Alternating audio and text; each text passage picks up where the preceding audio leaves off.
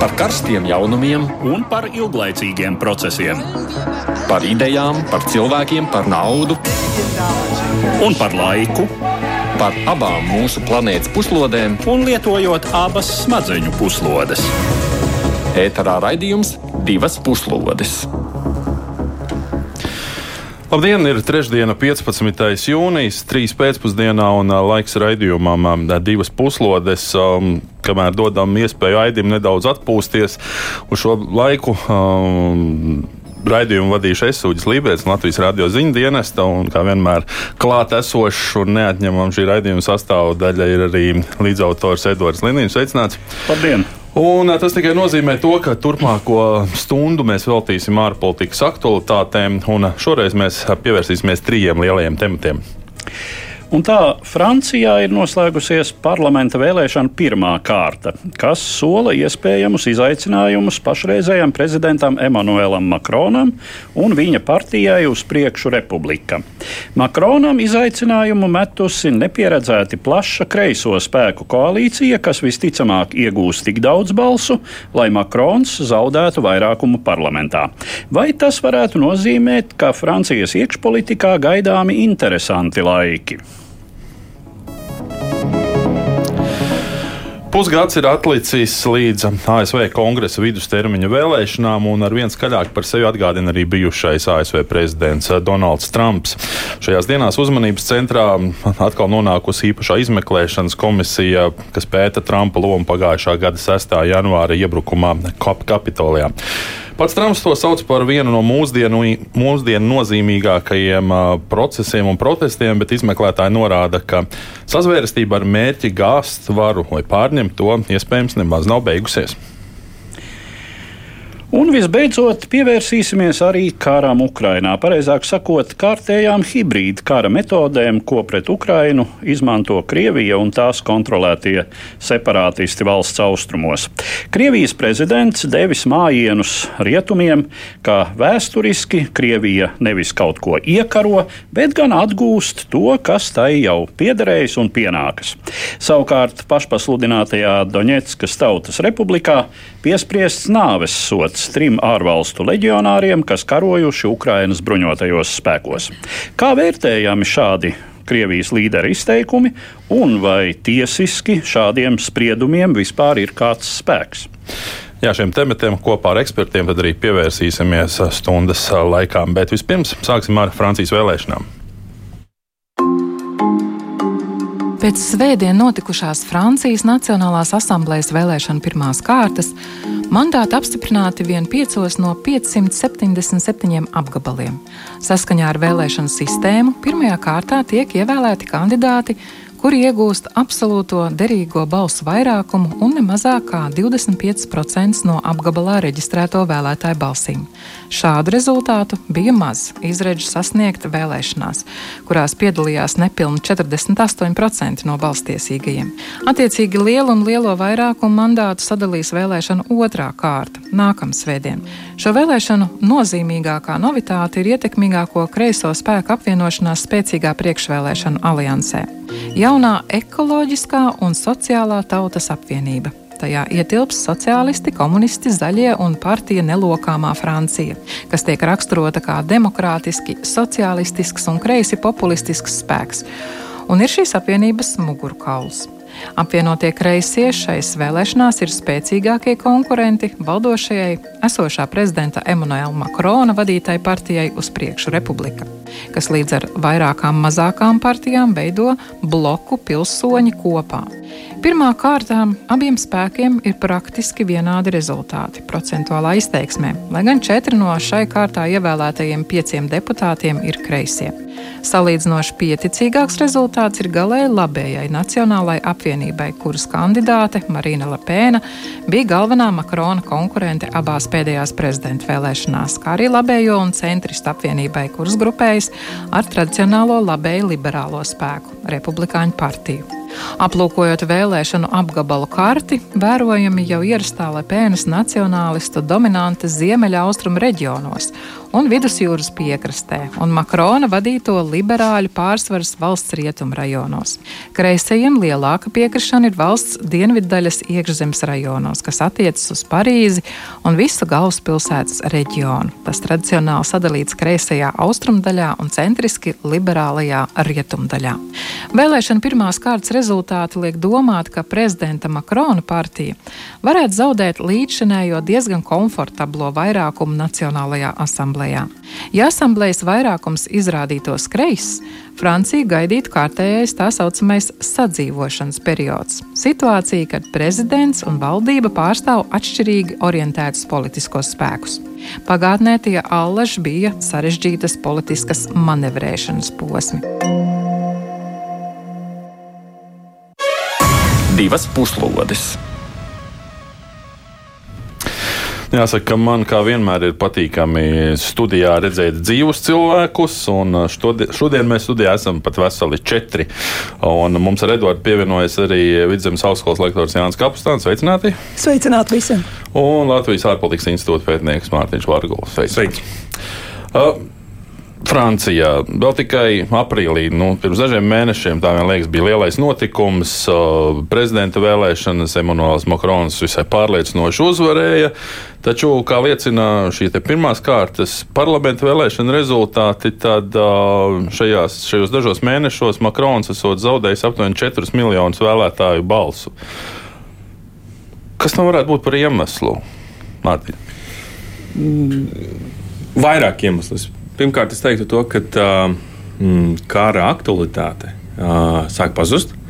Ja mēs redzējām prezidenta vēlēšanās šo arī diskusiju, kas notika publiskajā vidē, ja, tur, tur tas jautājums uh, parādījās izteiktāk, un zināmā mērā, ja var tā izteikties, karš nāca par labu Makronam. Lepēna mainījās, transformējās, pielāgojās, ja, bet tā viņas vēsturiskā pieeja un, un uzstādījums, tā skaitā attiecību veidošana ar Krieviju, tas, tas bija klātesošs un tas bija paliekošs un kas ietekmē, es domāju, arī viņas rezultātu. Šajā gadījumā um, tas liecina par to, ka tā izpratne vai tā diskusija vairs nav tik aktuāla. Uh, punkts viens, punkts divi. Nu, jāatzīst to, ka kampaņa no kreiso bloka vai kreisās koalīcijas perspektīvas ir bijusi diezgan sekmīga. Uh, mēs varam diskutēt par to, cik tā ir vienota savos uzstādījumos un kādas ir tās partijas, vai ne? Divas pro-eiropeiskas uh, un divas uh, pret-eiropas uh, ciešāku integrāciju, bet uh, tas ir bijis pietiekami konsolidējošs uh, spēks un tāds spēks, kurš spēj atņemt uh, Makrona pozīcijas. Tā kā viņa viņa paša pozīcijas, viņa pozīcijas attiecībā uz to, cik daudz un kā ilgtermiņā viņš spēs ietekmēt, ja izrādīsies otrajā kārtā, ka viņi ir zaudējuši šo, šo vairākumu, tas ir, ir lieli jautājumi. Jā, jau minēja to, ka um, varētu būt, ka tiek zaudēts vairākums, un tas nozīmē, ka daudzas no Makrona rosinātajām ambiciozajām reformām varētu nevirzīties uz priekšu. Politiko arī raksta, ka daudzi liberālie vēlētāji varētu tagad izvēlēties atkal konservatīvos, republikāņus. Vai jūsuprāt, Gapustāna kungs, šīs te, nu, iekšpolitiskās staigāšanas kaut kādā veidā var ietekmēt arī nu, Francijas ambīcijas nu, plašākā Eiropas līmenī? Kā mēs zinām, Makrons ir vienmēr sevi pozicionējis kā šo vienu no galvenajiem ciešākās integrācijas virzītājiem. Tagad mēs redzam, ka tas viss var attīstīties savādāk. Pavisam. Jā, es vēlētos teikt, ka mēs redzam normālu politisko procesu Francijā, kad dažādas politiskās partijas cīnās par ietekmes sfērām. Skaidrs ir, ka, ja mēs paskatāmies uz pašu prezidentu Makronu, tad daudziem frančiem nu, viņš tomēr skaitās kā nedaudz uzpūtīgs, bagāts, augstprātīgs cilvēks. Tīri cilvēciski varbūt daudziem frančiem viņš nav īsti pieņemams. Otrs faktors ir, ka kreisajiem spēkiem izdevās ļoti laba kampaņa, kamēr Makrona nometnē sākotnējā kampaņa bija ļoti mērena, maza. Nu, viņi domāja, ka būs jau labi tāpat. Tālāk, eh, trešo tādas faktoru gribētu atzīmēt, ka kreisajiem ir izdevies apvienot savus spēkus. Un šeit mēs redzam, kādi šeit ir šie spēki. Nu, tātad šeit ir galēji kreisā partija, sociālisti, komunisti un zaļie. Un, piemēram, sociālisti agrāk eh, bija ļoti ietekmīgs spēlētājs, un tādā ziņā apvienot tos spēkus. Nu, tas vairs nav pārsteigums, ka Melanšonam viņa vadītāja koalīcijā ir tik labi rezultāti izdevušies. Un tālāk jau pārējot tieši uz jūsu jautājumu, nu, kā tas vispār Francijas izredzes ietekmētu. Nu, protams, ka Francijas izredzes apgrūtinās visi šie iekšpolitiskie faktori, jo atkal mazliet pārējot pie iekšpolitikas, eh, mēs redzam, ka šie kreisie spēki, ko viņi sola, Viņu solījumu vidū ir tādas interesantas lietas, kā pensijas vecuma pazemināt. Tātad, ja visā pasaulē patīk mums vai nē, lēnām pensiju vecumu paaugstina, jo vienkārši vec, gados vecs cilvēku skaits visu laiku pasaulē pieaug, arī Francijā, nu, tad šeit viņi sola, ka varētu pazeminēt un arī a, iesaldēt cenu kāpumu. Nu, kā tas, var nesolīt? Jā, tas ir, ļoti, laiks. tas ir ļoti grūts jautājums, kā to var izdarīt. Un, un šeit jau mēs redzam faktiski tās viņa veiksmes stāstu. Un tad nobeigumā. Nu, Es domāju, ka Francijai tomēr būs grūti palielināt savu nu, lielāku ietekmi, jo Francijai visu laiku ir jācīnās ar šiem iekšpolitiskiem izaicinājumiem. Atcerēsimies dažus gadus iepriekš dzelteno vestu protestus, un, protams, ka Francija gribētu savu ietekmi palielināt. Bet mēs arī Ukraiņas kara situācijā redzam, no, nu, ka Austrum Eiropiešiem, Britiem, uh, Nu, nu, mēs domājam, jau, tā kā tomēr, daudz franču vēlētāju par Makronu. Jā, jā, jā. Tā kā uh, Francijas vēlmes varbūt ir lielākas nekā viņiem varbūt izdodas savu to ietekmi palielināt. Viena maza piebildes. Piekrīt kolēģim šeit, tā lielākā kritika, šobrīd izskan no Francijas politikas uh, vērotājiem saistīts par to, ka Makrons joprojām ir par ārpolitiku galvenokārt. No, nu jā, Vi, viņa, tas... viņa vēlme vai viņa redzējums, viņš sevi redz kā Eiropas līderi. Tas ir pirmkārt, ja, pazaudējot šo uh, nu, pragmatisko pieeju attiecībā uz iekšpolitiku. Es tieši par šo gribēju runāt, jo nu, Makrons īstenībā pats no šīs kampaņas ir bijis diezgan tālu projām. Un, uh, nu, tiešām lielāko uzmanību ir koncentrējis Ukrainas jautājumiem un vispār Eiropas ārpolitikas jautājumiem. Uh, un tomēr arī Edvards Teo no malas uh, skatoties šīs te. Uh, nu, šajā pārmaiņu nestabilajā laikā, kad uh, jau minētie mm, cenu kāpumi un viss pārējais, iekšpolitika sāk uh, dominēt ne tikai Francijas, bet es pieļauju, pārņems arī daudz citu valstu nu, dienas kārtību. Tīri iekšpolitika un ekonomika un praktiskie jautājumi. Jā, ekonomika, sociālie jautājumi. Es domāju, ka kreiso spēku bloka salīdzinoši veiksmes ķīla ir ne tikai prasme apvienoties, lai gan tas droši vien ir galvenais, bet arī tas, ka vispārējā izjūta ne tikai Francijas, bet visas Eiropas sabiedrībā ir, ka mūs gaida ekonomiski grūti laiki. Tā tad arī sociālās problēmas, un šādos laikos, protams, Eh, ir vēlama izteiktāka sociālā, kreisā komponente valdībā. Eh, tas, es domāju, jā, padara, eh, padara Makrona situāciju droši vien nervozāku, lai gan nu, pagātnē ir bijuši tādi piemēri, nu vismaz viens tāds uh, visai veiksmīgs piemērs Francijas vēsturē, kad to, tobrīd tas bija kreisais prezidents Mitterāns, un labējais premjerministrs Širaks. Uh, un uh, Širaka rokās un viņa valdības rokās kā tas arī mm, Francijas konstitūcijā faktiski ir iecerēts, tika nodota iekšpolitika. Prezidentam atstājot to, kas arī ir prezidenta pamatsfēra, tā ir ārpolitika un drošības politika. Un, faktiski jau Francijas konstitūcija Uh, tieši šādu pieeju arī paredz. Vienkārši lielāko tiesu, nu, tīri politiskas vērtības labad, uh, valdības un prezidenti ir no vienas partijas, un tad, nu, tad gluži automātiski, neskatoties uz konstitūcijas burtu, prezidents nosaka lietas gan iekšējā, gan ārējā politikā. Bet, teiksim, modelis, kad prezidents koncentrējas uz ārpolitiku un aizsardzības, drošības politiku, tas ir iespējams. Un var jau būt, ka, teiksim, ja mēs iegūsim šādu uh, politisko kombināciju uh, ar plaša spektra, nu, grūti gan teikt, jāsaka uzreiz, vai tiešām kreisie varētu iegūt vairākumu. Uh, vairākumu ne, bet nu, Nacionālajā, Nacionālajā asamblējā. Uh, tas, kā Makrona partija un ar to saistītā vairāk neliela partiju kombinācija, uh, visdrīzāk zaudēs šo komfortablo vairākumu. Nu, bet tad visticamāk, tomēr būtu šo spēku koalīcija ar republikāņiem, kas ir politiski nu, tomēr Makrona partijai stipri tūs. Arī centriski, nu, teiksim, Makrons ir centrs mazliet pa kreisi, varbūt no centra vairāk, un republikāņi ir mazliet pa labi. Nu, uh, no politiskās platformas viedokļa nevajadzētu būt īpašām problēmām izveidot tomēr tādu centrisku valdību. Šeit kreiso spēku līderis Žans Lukas Melanšons ir izteicies, ka viņš labprāt vadītu jauno valdību. Un, uh atkal pas, paskatoties, kā viņš tiek rakst, raksturots dažādos mēdījos, viņš tiek saukts gan par Putina noderīgo idiotu, gan par vielikteni, gan par uh, misteru Freksitu, kurš varētu rosināt gan NATO izstāšanos no NATO, Eiropas Savienības un tā tālāk. Un tā tālāk.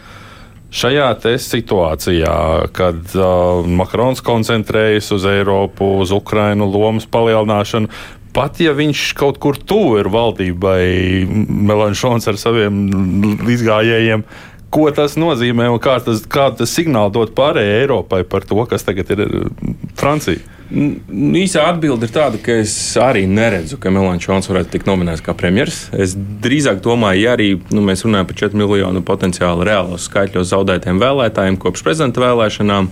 Um, ko ir zaudējis Makrons un viņa, viņa partija. Es, tātad absolūtais vairākums te nebūs. Te būs visdrīzāk mēģinājumi vēl piesaistīt kādu no partijām. Uh, iznākums, kad Melančons tiek nominēts par premjeru, es, do, es, es to tā neparedzētu, bet eh, to sakot, eh, ir jārēķinās. Uh, pa, pašā asamblējā tas būs pietiekami spēcīgs spēks. Ja?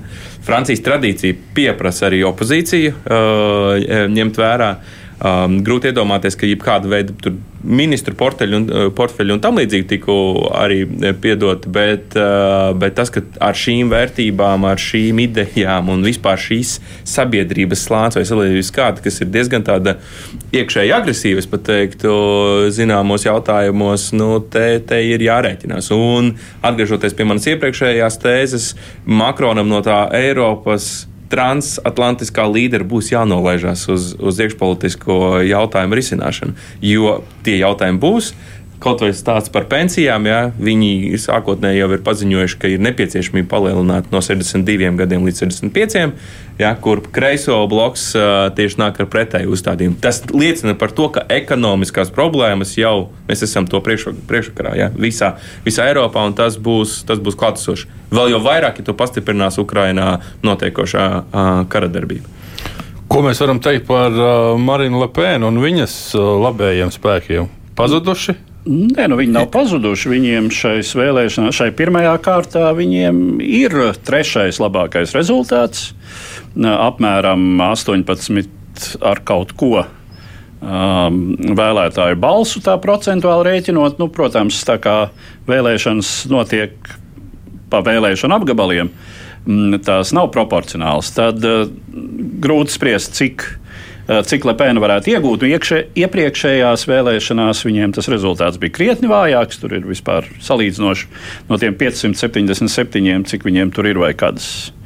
Ne, es pat neatceros, vai 11 vietas viņiem vispār ir. Eh, šoreiz rezultāts noteikti būs labāks, būs vairāk deputātu, bet eh, nu, kā Nacionālā, Nacionālā alianse, tā laikam pareizi tulko Lepēnas partijas nosaukumu, varētu uh, spēlēt kādu nopietnu lomu valdībā vai vai vispār teiksim, tajā praktiskajā politikas īstenošanā, nu, nē.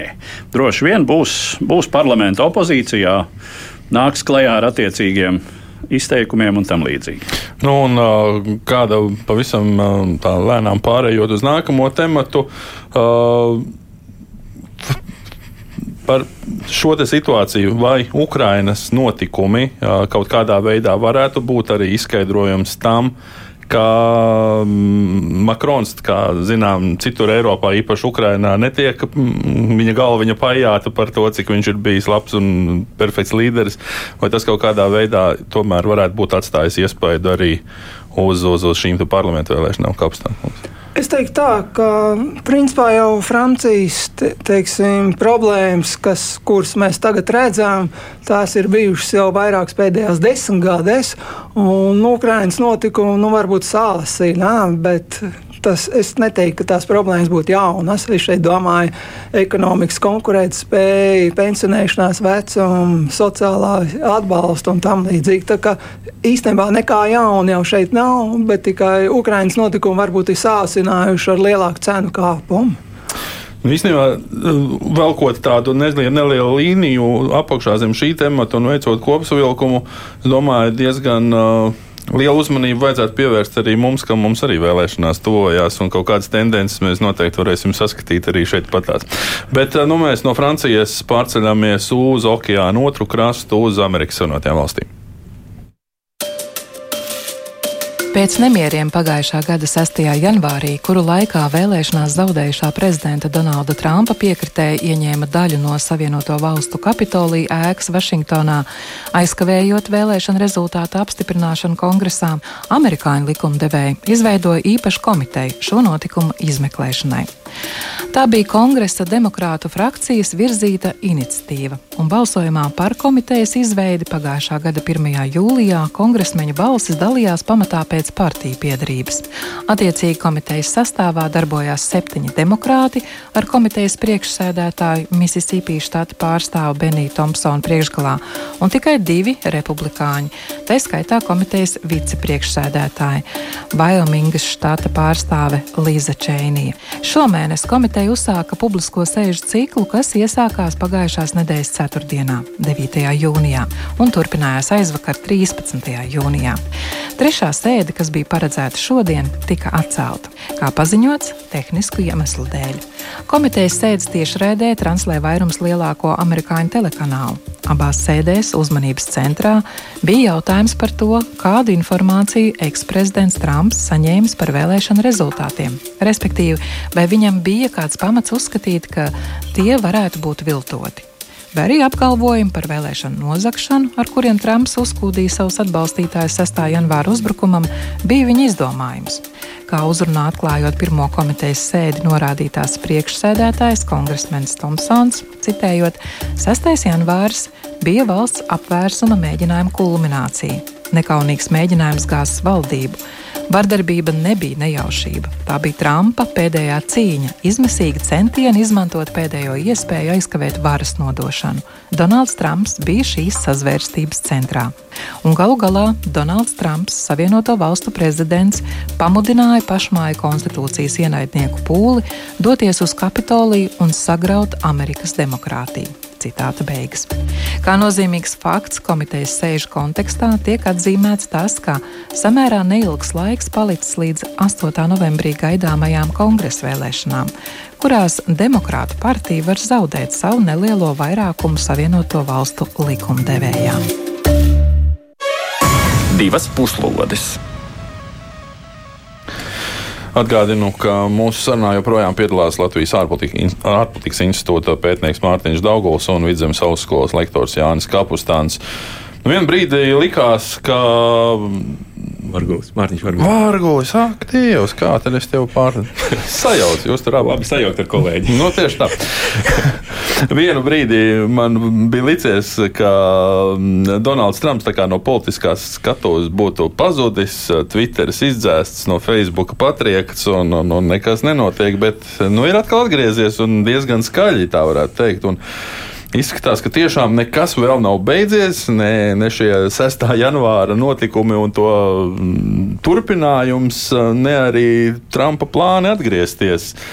Kā jums izskatās viss tas, kas notiek Amerikā? Um. Man tas atsauc atmiņā inaugurācijas ceremoniju, un viņa viena no pēdējiem uh, tvītiem, kas bija video formātā, kur viņš teica, I'll be back, es būšu atpakaļ? Bet um, tas ir viens, pirmkārt, viņa personība. Es domāju, ka tās uzstādījums jau arī pēc vēlēšanām, ka viņš startēs atkārtot, vai vismaz mēģinās. Viņam jāizsver, protams, republikāņu filtrs. Um, tas, tas pierādās. Es domāju, tur tā ambīcija ir, un mēs redzam, ka pēdējais aptaujas ap 50% vai nedaudz pat vairāk republikāņu vēlētāji ir par Trumpu, kā par republikāņu partijas potenciālo kandidātu. Tas ir punkts viens. Punkts divi - Trumpisms.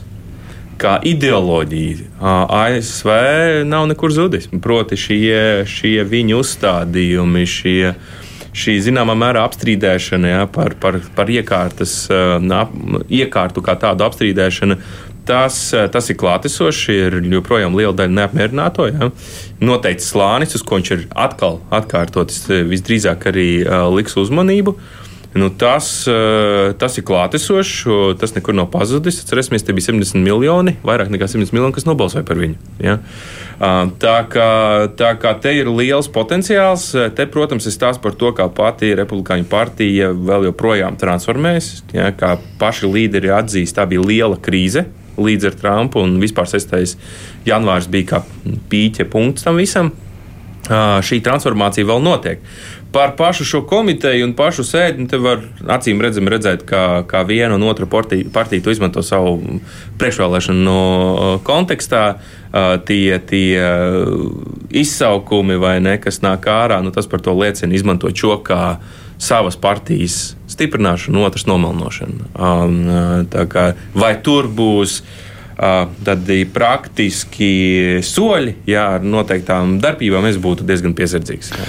Līdzīgi kā Francijā, nekas jau nav mainījies. Viss tāpatās kā ir bijis, tā ir. Tikai viena cilvēka mm, kāds aspekts vairāk izteikts. Jā, nu, komentējot šos notikumus Amerikas Savienoto Valstu kongresā, ja precīzāk šajā izmeklēšanas komitejā, mēs redzam, ka ir ļoti liela mēdīju uzmanība, un tāpēc jau abas puses teiksim, ļoti izrādās, ja tā varētu teikt.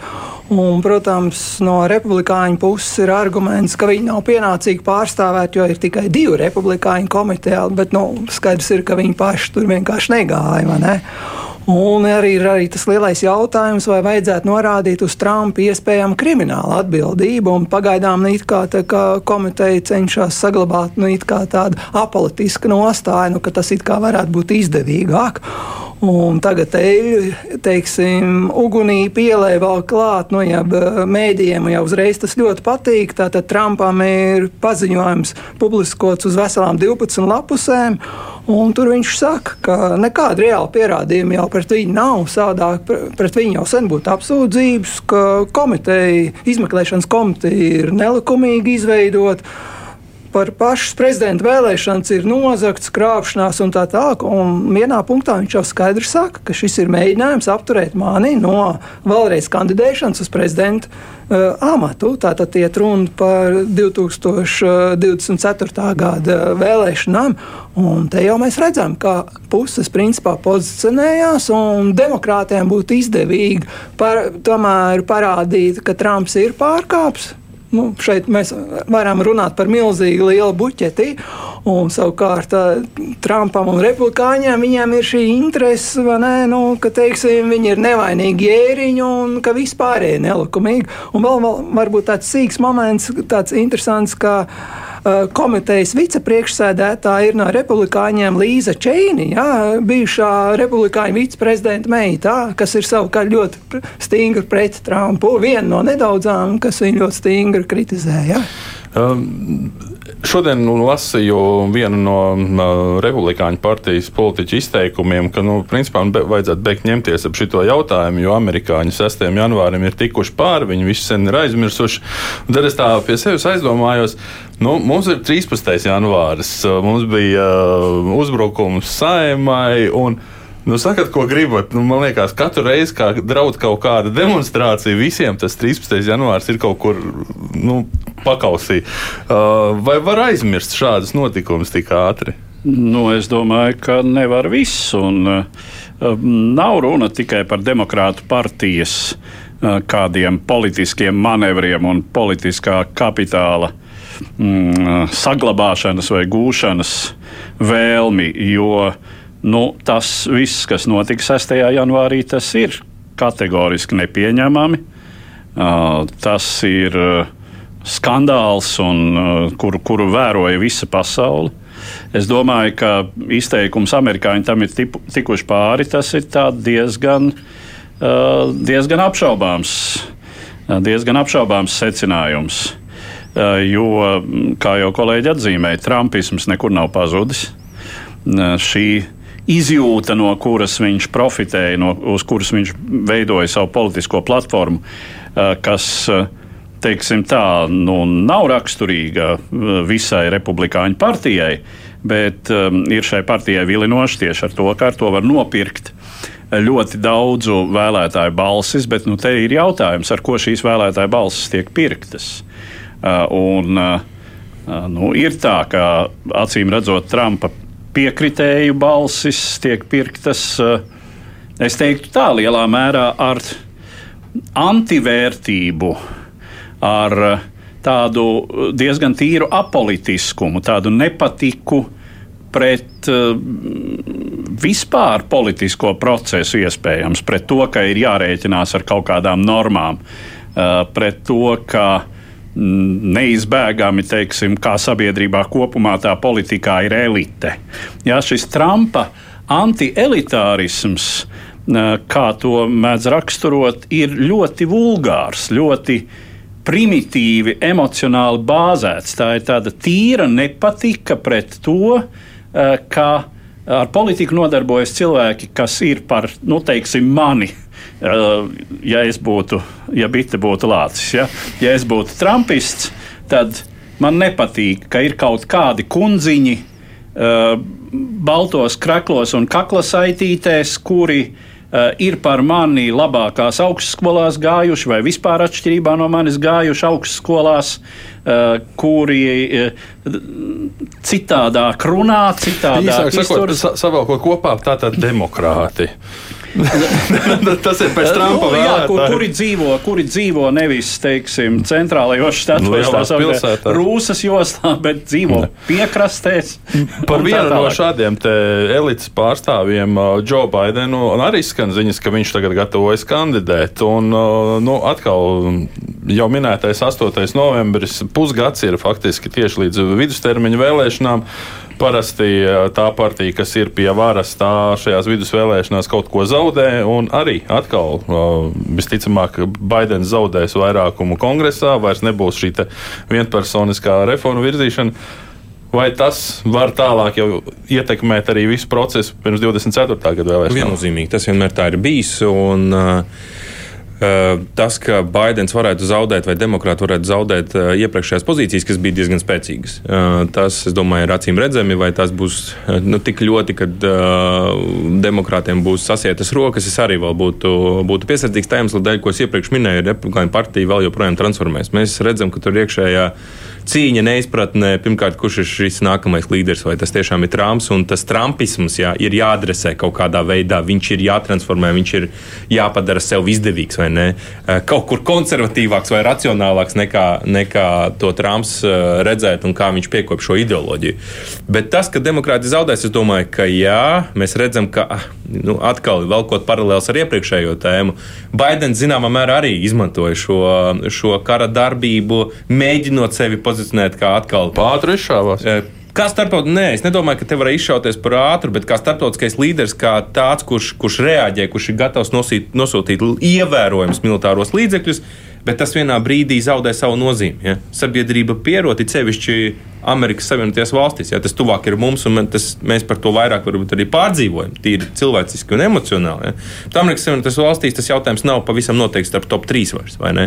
Tur, tur ir tieši tā šie jautājumi par ekonomiku, savstarpējā saliedētību, tā tālāk joprojām. Un tur Baidenam mēs redzam, ka tā darba kārtība joprojām nav izstrādāta. Ja? Tur tie, tie paziņojumi un uzstādījumi tie ir, tie ir zem jautājuma zīmes. Labi, tad atgriežamies pie tās tēmas, kas mums tuvākā pie kara Ukrainā.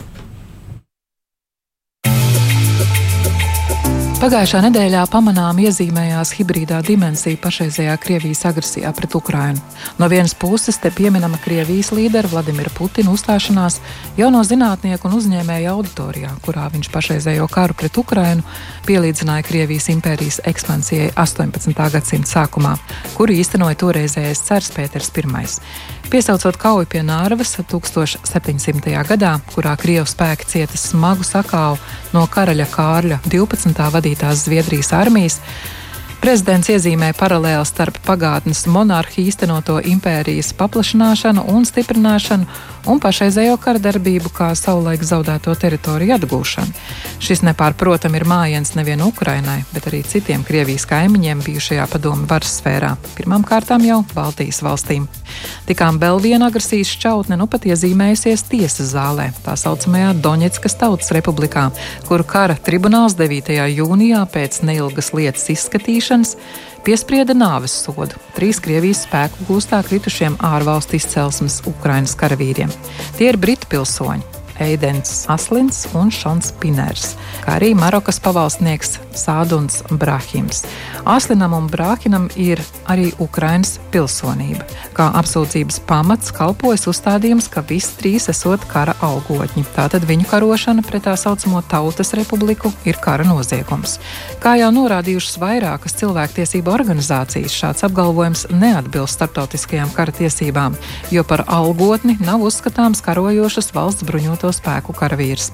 Tāpat tiek norādīts, ka par kara noziegumu uzskatāma trīs kara gūstekņu tiesāšana starptautiski neatzītā valstiskā veidojuma tribunālā. Ir diezgan nepārprotami skaidrs, ka šis ir Kremļa režīma atbildes solis Ukrainai, kuras tiesās pēdējā laikā nonākušas vairākas lietas pret gūstā kritušiem un kara noziegumos apsūdzētiem Krievijas karavīriem. Viens no viņiem, seržants Vadims Šišimarins, nesen tika notiesāts ar mūža ieslodzījumu par neapbruņota civiliedzīvotāju nogalināšanu.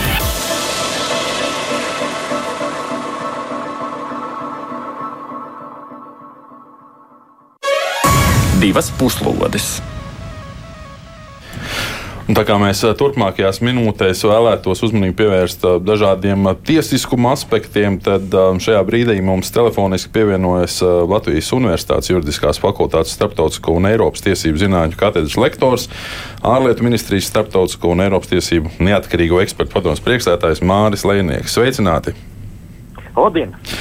Uh, Lēnē, kungs, es uzreiz gribu jums jautāt, uh, kā jūsuprāt būtu vērtējams šāds starptautiski neatzīta pseidopolitiska veidojuma izveidotas uh, tiesas pasludināts nāves spriedums? Tiesiski pamati tam nav, ja mēs runājam tīri par Doņetsku Luhansku, taču no starptautiskā tiesību viedokļa, protams, Doņetsku Luhanski ir Ukrainas teritorijas, kuras šobrīd preciziski kontrolē, tad faktiski ir okupējusi Krie, Krievijas federācija. Faktiski šie veidojumi atrodas visticamāk pilnīgā Krievijas federācijas kontrolē. Tas ir, šī ir nevis uh, Doņetskas un Luhanskas rīcība, bet šī ir Krievijas federācijas rīcība. Krievija noteikti tam nepiekristu. es zinu. nu, kādā, kādā, kā tādā veidā pret šo cīnīties, kādus līdzekļus izmantot? Tikai tos, kas ir jau starptautiskās sabiedrības rīcībā. Proti? Ietekmēt, ietekmēt Krievijas sankciju palīdzību. Citu līdzekļu praktiski nav. Ja neskaidro trešo pasaules karu. Nu, bet mēs skatāmies, Ukrainā nāves soda nav. Arī Krievijā nav šādā pašpasludinātajā veidojumā. Krievijā tas cits nāves sods nav formāli atcelts. Mm. Viņš netiek pielietots, tas gan jā. Krievija nav formāli pat nebija formāli ratificējis Eiropas cilvēktiesību konvencijas sesto papildu protokolu par nāves sodu atcelšanu. Nu, tā ir vispār izstājusies no konvencijas un Eiropas padomas. Uh, formāli Krievijā nav sots nebija atcelts, viņš netika piemērots kopš šī atmiņa neviļ 96. gadā. Um, tas, ka Krievija pieļauj, ka tās kontrolē esošās teritorijās tiek uh, piemērots nāves sots, uh, vai nu mēs to kvalificējam vienkārši kā slepkavību, Nu, vai kā Krievijas varas ekscesu.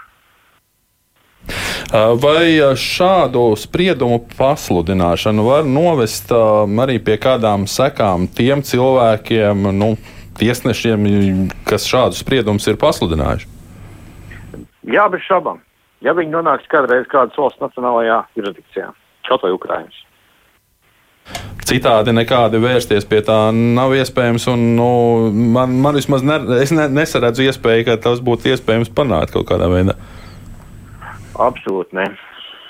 Ne, es arī šādu iespēju neredzu. Kā redzat, tā Krievijas federācija ir pilnīgi vienalga, ko par tās rīcības saka starptautiskā sabiedrība, no ģenerāla asambleja, drošības padomu tā faktiski bloķē savu veto tiesību no Eiropas padomas, un vēl vieta cita organizācija ir izstājusies. Praktiski nav ietekmēšanas līdzekļi citi kā tikai a, ekonomiskie. Vai jūsuprāt, tiešām ar ekonomiskajiem nu, līdzekļiem ir iespējams kaut kādā veidā ietekmēt nu, tiesu lēmumus? Jo tas nu, arī neliekas loģiski. Lēmums, nē, bet uh, mēs, protams, visi ceram, ka agrāk vai vēlāk Krievija zaudēs šajā karā. Un uh, diez vai tā pilnībā, vai Krievija pilnībā var zaudēt militārā, militāras pretdarbības rezultātā visreālāk tā būtu ekonomiskā pretdarbība, tiešām Krievijas varas ietekmēšana. Nu, tādā gadījumā, jā, kaut kad iespējams kāds no šiem tā saucamajiem tiesnešiem var nonākt uz apsūdzēto soli. Pats. Par nedaudz citu tiesiskumu jautājumu Krievijas valsts domē ir uh, iesniegt likumprojekti, kas pirmkārt aicināja atzīt par spēkā nēsošo savulaik atzīto Lietuvas izstāšanos no Padomju Savienības. Tagad uh, tiek teikts, ka uh, Lietuvai varētu sekot arī Latvija, Igaunija, Ukraina un to neatkarības pasludināšanas no PSRS nu, atsaukšana. Uh, nu, arī no vienas puses mums varētu tas izraisīt smīnu, no otras puses Krievijā droši vien tas tiek uztverts pat ļoti nopietni. Nu, tad kā ir Krievija? Ir PSRS mantiniece vai nav šajā gadījumā? Oi, jūs uzdodat ļoti interesantu jautājumu. Uh, Domstarpības pastāv šajā sakarā, vai Krievija ir jauna valsts, kas manto Padomju Savienības, nu, teiksim, līguma saistības, parādus vai prasības ar citām valstīm saistībā ar ārējo parādu un tam līdzīgi. Vai ir diezgan daudz nopietnu argumentu tam, ka Krievijas federācija nemaz nav jauna valsts. Tā ir tāpat, tas pats starptautiskās tiesības subjekts, kas kādreiz saucās Krievijas impērija, pēc tam Padomju Savienība, tā ir Krievijas federācija. Uh, jebkurā gadījumā tas neko īpaši daudz nevaina. Krievija, Krievijas federācija atzina trīs Baltijas valsts neatkarību 91. gada septembrī, ja man atmiņa neviļ, vai jau, jau augusta beigas, nu, tas bija septembris sākums. Uh, protams, šobrīd Krievijas federācijas valdība var darīt, ko tā vadība var darīt, ko tā vēlāk. uh, atcelt šīs neatkarības atzīšanas uh, un tā tālāk. Es gan neesmu, ka tas jau būtu pieņemts kā likums vai kaut kas tamlīdzīgs. Nē, nē, tāda ideja tikai virzīta tiek. Tas tiek tikai virzīts pašlaik. Politisks ierosinājums tikai tāds bija, jā. Um, laikam nevajag rēģēt uz jebkurām muļķībām, kas tiek pateikts arī Krievijas parlamentā. Labi, paldies šajā brīdī. Teikšu ārlietu ministrijas starptautisko un Eiropas tiesību neatkarīgo ekspertu padomus priekšsētājiem Mārim Lēniekam. Mēs šeit pat studijā turpināsim šo tēmu apspriest. Kā jūsuprāt, liekas šo, šī nāves sodu piespriešana? Nu, protams, tas ir Atbi impērija dod atbildes triecienu, runājot kino terminoloģijā. Tas bija atbildi uz šiem mūža ieslodzījumiem. Kāds vēstījums tiek sūtīts um, jūsuprāt? Jā.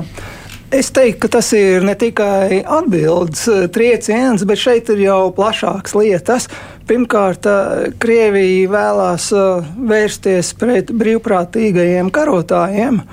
Un, teiksim, vēlās, protams, lai šie brīvprātīgie pēc iespējas mazāk ierastos Ukrajinā, vēlās iebaidīt. Otrkārt, tieši Doņetskas teritorijā tā saucamā tiesa notika, jo lūk, šeit tiešām varēja nāves sodu arī piespriest. Savādāk jau īstenībā nevarēja piespriest, jo Krievijai moratorijas. Par tiesiskumu, ja mēs runājam, tad faktiski tas ir tāds vairāk politisks šausmas skatītāju auditorijai, kā Gēbels propagandas izrāde. Tālāk īpaši es vēl akcentētu vēršanos pret tieši pret Britiem, jo Lielbritānija kopā ar Poliju ir spēcīgākās Ukraiņas atbalstītājs. Ja mēs skatāmies arī par Mariupoles aizstāvjiem, tad eh, no viņiem šo Azovu vienību jau arī Krievijas puse atklāti sauc par teroristiem. Un te mēs nonākam pie tādiem secinājumiem, ka izveidojās tāds liels paradoks vienā ziņā, ka iebrūk svešas zemes armija, okupē teritoriju un tad sāk tiesāt pēc kā kaut kādiem saviem, ja tajā zemē, kas ir bijuši svešiem likumiem, lai jūs labāk saprastu to domu. Pirmskar Latvijā bija satiksmes ministrs un saimnes deputāts Antons Rancāns, kuru arestēja baigajā gadā. Un viņam pratināšanas dokumentos bija rakstīts, ka viņš ir fašistisks organizācijas dalībnieks. Viņš savukārt eh, pratināšanas dokumentos atbild, ka tajā laikā šīs organizācijas sauca par demokrātiskām. Nu, tātad tiesā pilnīgi par kaut ko citu. Protams, kā Antona Rančāna 41. gadā nošāva, un tā līdzīgi arī Ukrainā. Tātad iebrūk sveša armija un pilnīgi pēc kaut kādiem citiem likumiem sāk tiesāt. Tas ir milzīgs absurds, bet būtībā tā ir tāda propagandas izrāde ar mērķi iebaidīt. Bet uh, viņa izredzes, nu, šo notiesāto karavīru izredzes varbūt arī vēl nav bezcerīgas. Varbūt, ka vēlāk varētu sakot atkal kaut kādas apmaiņas procesi. Nu, viens, viens, no, jā. viens no variantiem ir jā, kā šos te uz nāvu notiesātos mainīs pret citiem. Uh, Kapstāna kungs jau pieminēja Azovu kaujiniekus. Un, uh, Mēs esam iepriekš arī daudz runājuši par to, ka nu, Krievija viņus uh, joprojām uzskata par fašistiem. Un, uh, bieži vien tiek uzsvērts, ka ir kara laiks, ir, uh, nu, varētu būt kara likumi. Un tad atkal ir jautājums, vai nu, šis netiek jau gatavot augsni kaut kādām tiešām lielākām vēl paraugu prāvām tieši pret azoviešiem. Nu, tāds viedoklis ir izskanējis. Un, uh, bažas par to, ka tieši pret uh, Azovu bataljona uh, kaujiniekiem varētu tikt vērstas šādas, uh, vai kā ar viņiem varētu izspēlēt šādus um, tiesāšanas farsus. Uh, tādas jau ir izskanējušas līdz šim. Un um, bija arī attiecīga retorika Krievijas valsts domē uh, par to, ka nekādas apmaiņas, uh, tie ir nacisti, tātad tie ir jātiesā. Uh, Tie ir visi, visi kā viens noziedznieks un tam līdzīgi. Tātad tas fons emocionāli un arī politiski ir veidots. Nu, ja teiksim, jautāt man, un, un arī tie viedokļi, kurus es esmu dzirdējis līdz šim, ticamāk ir iespēja, ka nu, jautājums vai nu visi, jā, bet, bet šādas paraugprāvas būs arī pret Azovu bataljona nu, vismaz eh, komandējošo sastāvu virsniekiem. Mārtiņa Lēnē kungs jau arī teica, ka nu, faktiski uh, Izveidojusies ir situācija, ka Krievija ir izstājusies no dažādām starptautiskām organizācijām. ANO līmenī viņi var uzlikt veto. Nu, faktiski tāds no vienas puses izdzīta, no otras puses pati sev pasludinājusi par ārpus likuma esošu.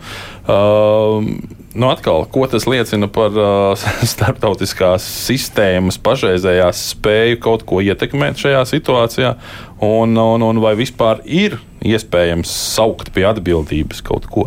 Vai, vai tiešām ir, es nezinu, kā, kā, kāds punkts ir jāsasniedz, lai kaut kas mainītos? Nē, ja mēs eh, skatāmies, tad tieši tā Krievija izstājas no Eiropas padomus. ANO drošības padomē tā darbojas autonomi, jā, liekot veto uh, tur, kur viņi vēlas vai uzskata, kur ir pret viņas interesēm. Uh, Tas pats attiecās arī uz bruņojuma kontrols režīmiem. Mums praktiski vairs nepastāv. Jā, vīnas dokuments beidzas pastāvēt, atvērto debesu līgums praktiski beidzas pastāvēt. Jā. Vienīgais tāds eh, nu, starptautiski saistošs, ja mēs skatāmies no drošības perspektīvas, eh, līgums, kas eh, darbojas, ir starta līgums, kas ir par kodolieročiem. Ārpus tā praktiski vairs nav, kur ir Krievija klātesoša, kas ir starptautiskais regulējums. Līdz ar to no tādas starptautiskā juridiskā nu, perspektīvas raugoties, tās starptautiskais sabiedrība ir diezgan ierobežotas vairs līdzekļu un iespējas kaut kā, kaut kā juridiski to ietekmēt. Un mēs redzam, ka Krievija pati ir izvēlējusies šo ceļu, ja, mēģinot radīt, un tā ir tā, es domāju, tā arī zināmā mērā strateģiskā pieeja, ka no šo vispār iedragāt pastāvošo starptautisko kārtību. Mm, savā izpratnē uzvarēt Ukrajinā, sēsties pie galda un un būt no teiksim, spēka pozīcijām, runāt par jaunu starptautisko regulējumu. Un, kas ietver arī juridiskos regulējumus. Un šajā situācijā noteikti netrūkst rietumu valstu draugu vai pusdraugu, kas aicina Krieviju atjaunot kaut kur, aicināt pie galda, lai vismaz kaut kādā veidā varētu runāt. Pāragri ir jāļauj vai ir jādara viss, lai, lai Ukraina uzvarētu ar mūsu rietumu līdzekļiem un sēsties pie galda tikai tad, kad uh, rietumi būs no spēka un varas pozīcijām. Uh, skaidrs, ka pie tā galda sēdēs arī Krievija. Uh, Krievija no pasaules ģeopolitiskās kartes nekur nepazudīs, bet ir svarīgi tad, kad tiešām šīs sarunas notiek, ka rietumi ir tie, kas nosaka spēles toni, nevis otrādi. Nu jā, un ir, es domāju, jau šobrīd pilnīgi noteikti jādeklarē un jāorientējas uz to, ka kompromisi tādos tiesiskos jautājumos nav pieļaujami.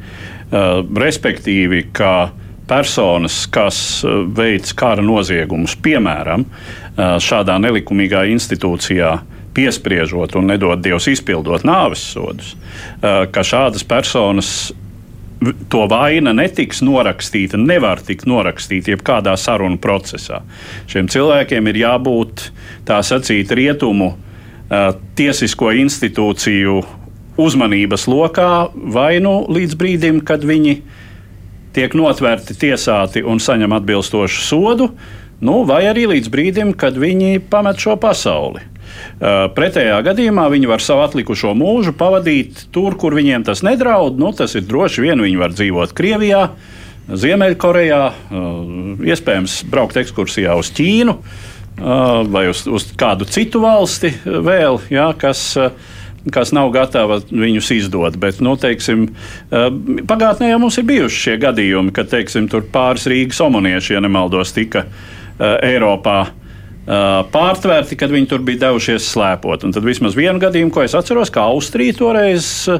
Tomēr par spīti Lietuvas ļoti nikniem protestiem perso šādai personai ļāva atgriezties Krievijā. Nevis izdeva uh, izdeva uh, to Lietuvai. Uh, skatoties uz uh, to, kā um, nu, Krievijas puse, droši vien rietumu pusi mēs varam reķināt kā vienu veselo, gatavojās uh, nu, izmeklēt un tiesāt arī dažādus kara noziegumus. Abas puses ir paziņojušas, ka rīkos starptautiskus neatkarīgus tribunālus. Tātad Krievijas pusē būs šāds tribunāls ar saviem draugiem, rietumiem būs savs tribunāls. Uh, vai atkal, nu, vai mēs varam runāt, uh, ka uh, nu, nu, kad notiek jau pietiekami liela gatavošanās šādu tribunālu izveidēji, vai mēs pie tā aktīvi strādājam, vai, vai ir daudz pāragri vēl vispār par to domāt? Apstākļu? Eh, skaidrs, ka precīzi ziņas mēs nezinām. Ne? Mēs varam tikai minēt, bet mēs nevaram izslēgt, ka tomēr kaut kāda gatavošanās notiek, un abas puses principā tomēr ir ieinteresētas šādās prāvās. Gan Ukraiņas puse ir ieinteresēta nu, teiksim, notiesāt un stingrus sodus piespiest, gan arī Krievija gribētu arī no savas puses tiesāt. Tā kā šeit ir abām pusēm, varētu teikt, par kaut kur līdzīgas intereses. Nē, nu, gatavošanās notiek pilnīgi noteikti. Mēs zinām, ka notiek aktīva izmeklēšana, un tā skaitā Latvija iesaistās šādos procesos, un arī, uh, kur arī Latvija ir nozīmīgi iesaistīta, ir mm, šādu uh, tālāko, tālākā tiesiskā mm, izmeklēšanas un tiesāšanas procesa plānošana. Tā, mums ir palikusi minūte, īsais jautājums. Šonadēļ vēl ir gaidāms lēmums par to, vai tad Ukrainai, Moldovai, Gruzijai piešķirt Eiropas Savienības kandidātu valsts statusu. Divi īsi jautājumi, jā, nē, un jautājums pēc cik ilga laika Ukraina būs Eiropas Savienībā. Es būtu pārsteigts, ja mēs tiekoties šeit pēc gada vai pēc diviem runātu, ka Ukraina ir Eiropas Savienības dalībvalsts. Ja pat piešķirs kandidātu valsts status, tas ir ļoti ilgs process. Atcerēsimies, Horvātija Gadi. tur gadi astoņi. Desmit. Ļoti optimistisks prognozes. Nu, par Ukraiņu tomēr ir tās prognozes, ka kandidātu valsts status varētu piešķirt, bet pilnu dalību to mēs neviens nevaram prognozēt. Bet arī Ukraiņas nu, kara laikā viss situācija strauji mainās. Kandidātu valsts status jā, mēs arī teiktu septiņi, astoņi gadi. Nu, es vairāk domātu uz uh, divciparu skaitļiem katrā gadījumā. Paldies maniem šīs dienas sarunu biedriem. Atgādinu, ka studijā klātienē bija Latvijas ārpolitikas institūta pētnieks Mārtiņš Vārgulis un Vidzemes augstskolas lektors Jānis Kapustāns. Kopā bija arī Edvards Liniņš un es, Uģis Lībijams. Mūsu producenti bija Evi Junām. Paldies, ka klausījāties un sadzirdamies jau pēc nedēļas. Visu labu! Divas puslodes!